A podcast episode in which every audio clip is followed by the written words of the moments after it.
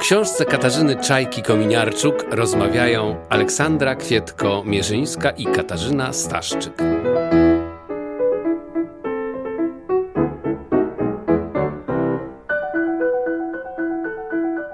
Autorka bloga Zwierz Popkulturalny Katarzyna Czajka-Kominiarczuk wydała w wydawnictwie WAB książkę Oscary Sekrety Największej Nagrody Filmowej. I od razu musimy chyba na wstępie powiedzieć, że za dużo tych sekretów w tej książce autorka nie zdradziła. Natomiast dla osoby, która nie jest jakimś wytrawnym kinomaniakiem, tak jak ja, czytało się ją dosyć dobrze, lekko i momentami się ubawiłam. Ponieważ w książce o Oscarach mamy dużo anegdot. Autorka już we wstępie zaznacza, że pewnie większość historii znajdziemy w innych książkach, ale że ona za nas przekopała te kilka, kilkanaście pozycji, obejrzała kilka, kilkanaście filmów dokumentalnych i wyciągnęła to, co jej zdaniem najlepsze i nam to spisała w jednej książce, tak żebyśmy nie musieli sami szukać, dociekać i oglądać tego wszystkiego, bo zrobiła to za nas. Widać tę ciężką pracę, widać, że ona kocha świat filmu, kocha Oscary, kocha, kocha popkulturę, kocha całą tę otoczkę, choćby rozdział poświęcony strojom, chociażby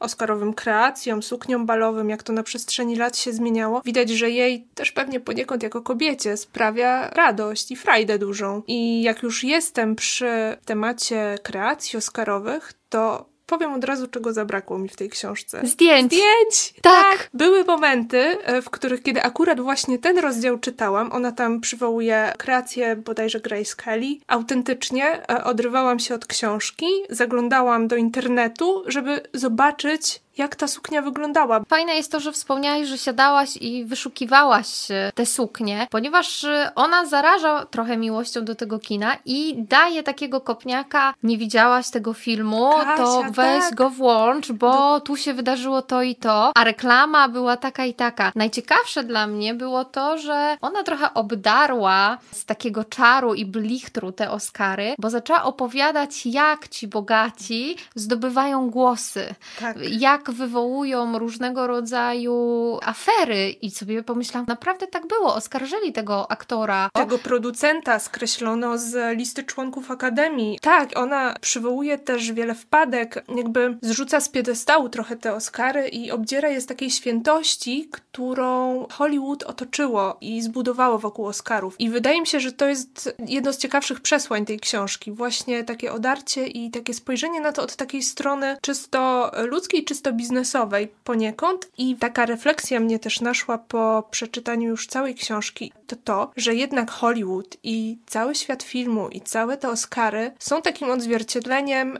społeczeństwa i tego, co się faktycznie na świecie dzieje. To, że kobiety mają tam trudniej i gorzej, to, że nie ma równości, jeśli chodzi o płeć, to jedno, ale o kolor skóry, o orientację seksualną, o to, że jednak gdzieś tam to Hollywood nie nadąża za tym, za czym byśmy chcieli. Ono nie jest tak poprawne politycznie, jakbyśmy sobie wyobrażali, że jest. A do tego jest mocno dwulicowe i cyniczne, bo nawet jeśli na każdej gali wszyscy czekają, kto coś powie właśnie polityczne, kto się wybije z nurtu tego, o co teraz walczy cały Hollywood, to jednak Katarzyna Czajka-Kominiarczuk podsuwa nam różne przykłady tego, jak to było wszystko wykalkulowane, co się w tym danym roku sprzedaje i kto dokładnie ma zaplanowany scenariusz na galę i na swoje przemówienie, na swoje wystąpienie, czy na swoje niepojawienie się tam. I że to nie zawsze jest tak, że ktoś jest takim dobrym człowiekiem albo odcina się od tego, tego, bo, bo Oscary są B. Nie, to jest wszystko zaplanowane odgórnie. Dla nas, widzów, myślę, że najfajniejsze jeszcze jest to, jeżeli ktoś naprawdę kocha kino i ktoś wstaje o tej trzeciej nad ranem i do szóstej ogląda, żeby usłyszeć, który film jest tym najlepszym, jest to, że tu jest duży kawałek historii. Uwielbiam gale Oscarowe, jednak jakoś nigdy nie zastanawiałam się, jak te gale wyglądały w latach 30., 40.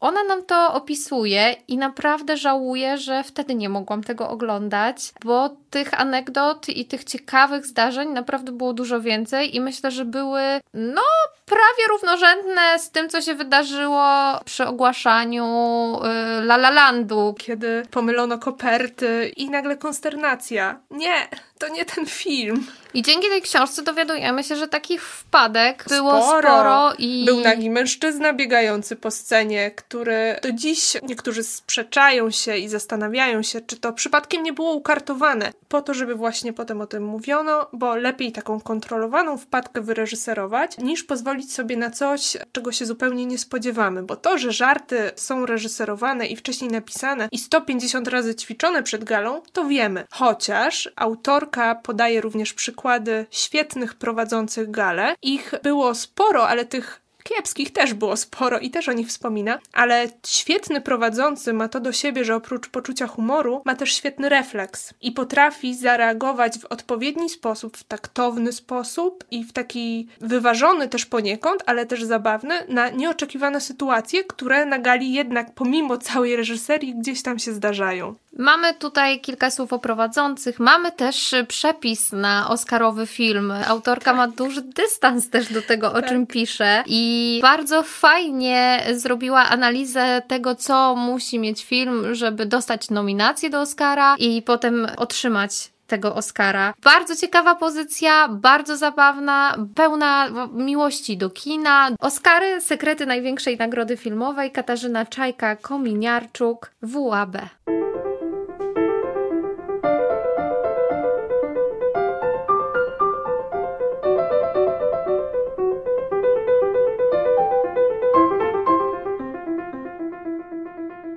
Efekty specjalne to ciekawa kategoria. Można by powiedzieć, stojąca najbliżej kina popularnego. Nagradzane w niej filmy, nawet te bardziej niszowe, są często bez porównania bardziej rozpoznawalne niż filmy nominowane jako najlepszy film. Do tego, jeśli weźmiemy pod uwagę nominacje, to kategoria, do której w ostatnich latach najczęściej trafiały produkcje wysokobudżetowe i przeboje box office'u. Jeżeli szukać kategorii, w której jest najwięcej popularnego kina, to właśnie w tej. To też jedyna kategoria, w której kino science fiction ma tak duże znaczenie, no i jedyna kategoria, w której wielkie szanse na nominacje mają filmy z wielką małpą. Łatwo byłoby efekty specjalne traktować niepoważnie, jako błyszczący dodatek do filmowej narracji. Jednak to właśnie na tym polu w ostatnich dekadach nastąpiły największe zmiany i przełom, które pozwoliły tworzyć reżyserom filmy, o których wcześniej mogli tylko marzyć. Specjaliści od efektów mówią dziś głośno: Jesteśmy w stanie pokazać na ekranie właściwie wszystko, co tylko zechce reżyser. Trudno więc niepoważnie traktować kategorię, która ma tak duży wpływ na to, co można przedstawić. A jednocześnie od 2004 roku, kiedy triumfował Władca Pierścieni Powrót Króla, nie zdarzyło się, by najlepszy film jednocześnie otrzymał wyróżnienie w kategorii Najlepsze efekty specjalne co dobrze pokazuje zmianę postawy Akademii, nie tyle wobec efektów specjalnych, ile wobec tego, o czym może opowiadać najlepszy film. W ostatnich latach były to historie mniejsze, bardziej osobiste i kameralne, niekoniecznie takie, w których efekty specjalne odgrywały znaczącą rolę. Potwierdza to także dystans, jaki Akademia ma wobec filmów fantastycznych, które nawet jeśli są ambitne, jak ostatni Blade Runner, nie mają zbyt wielkich szans na Oscara.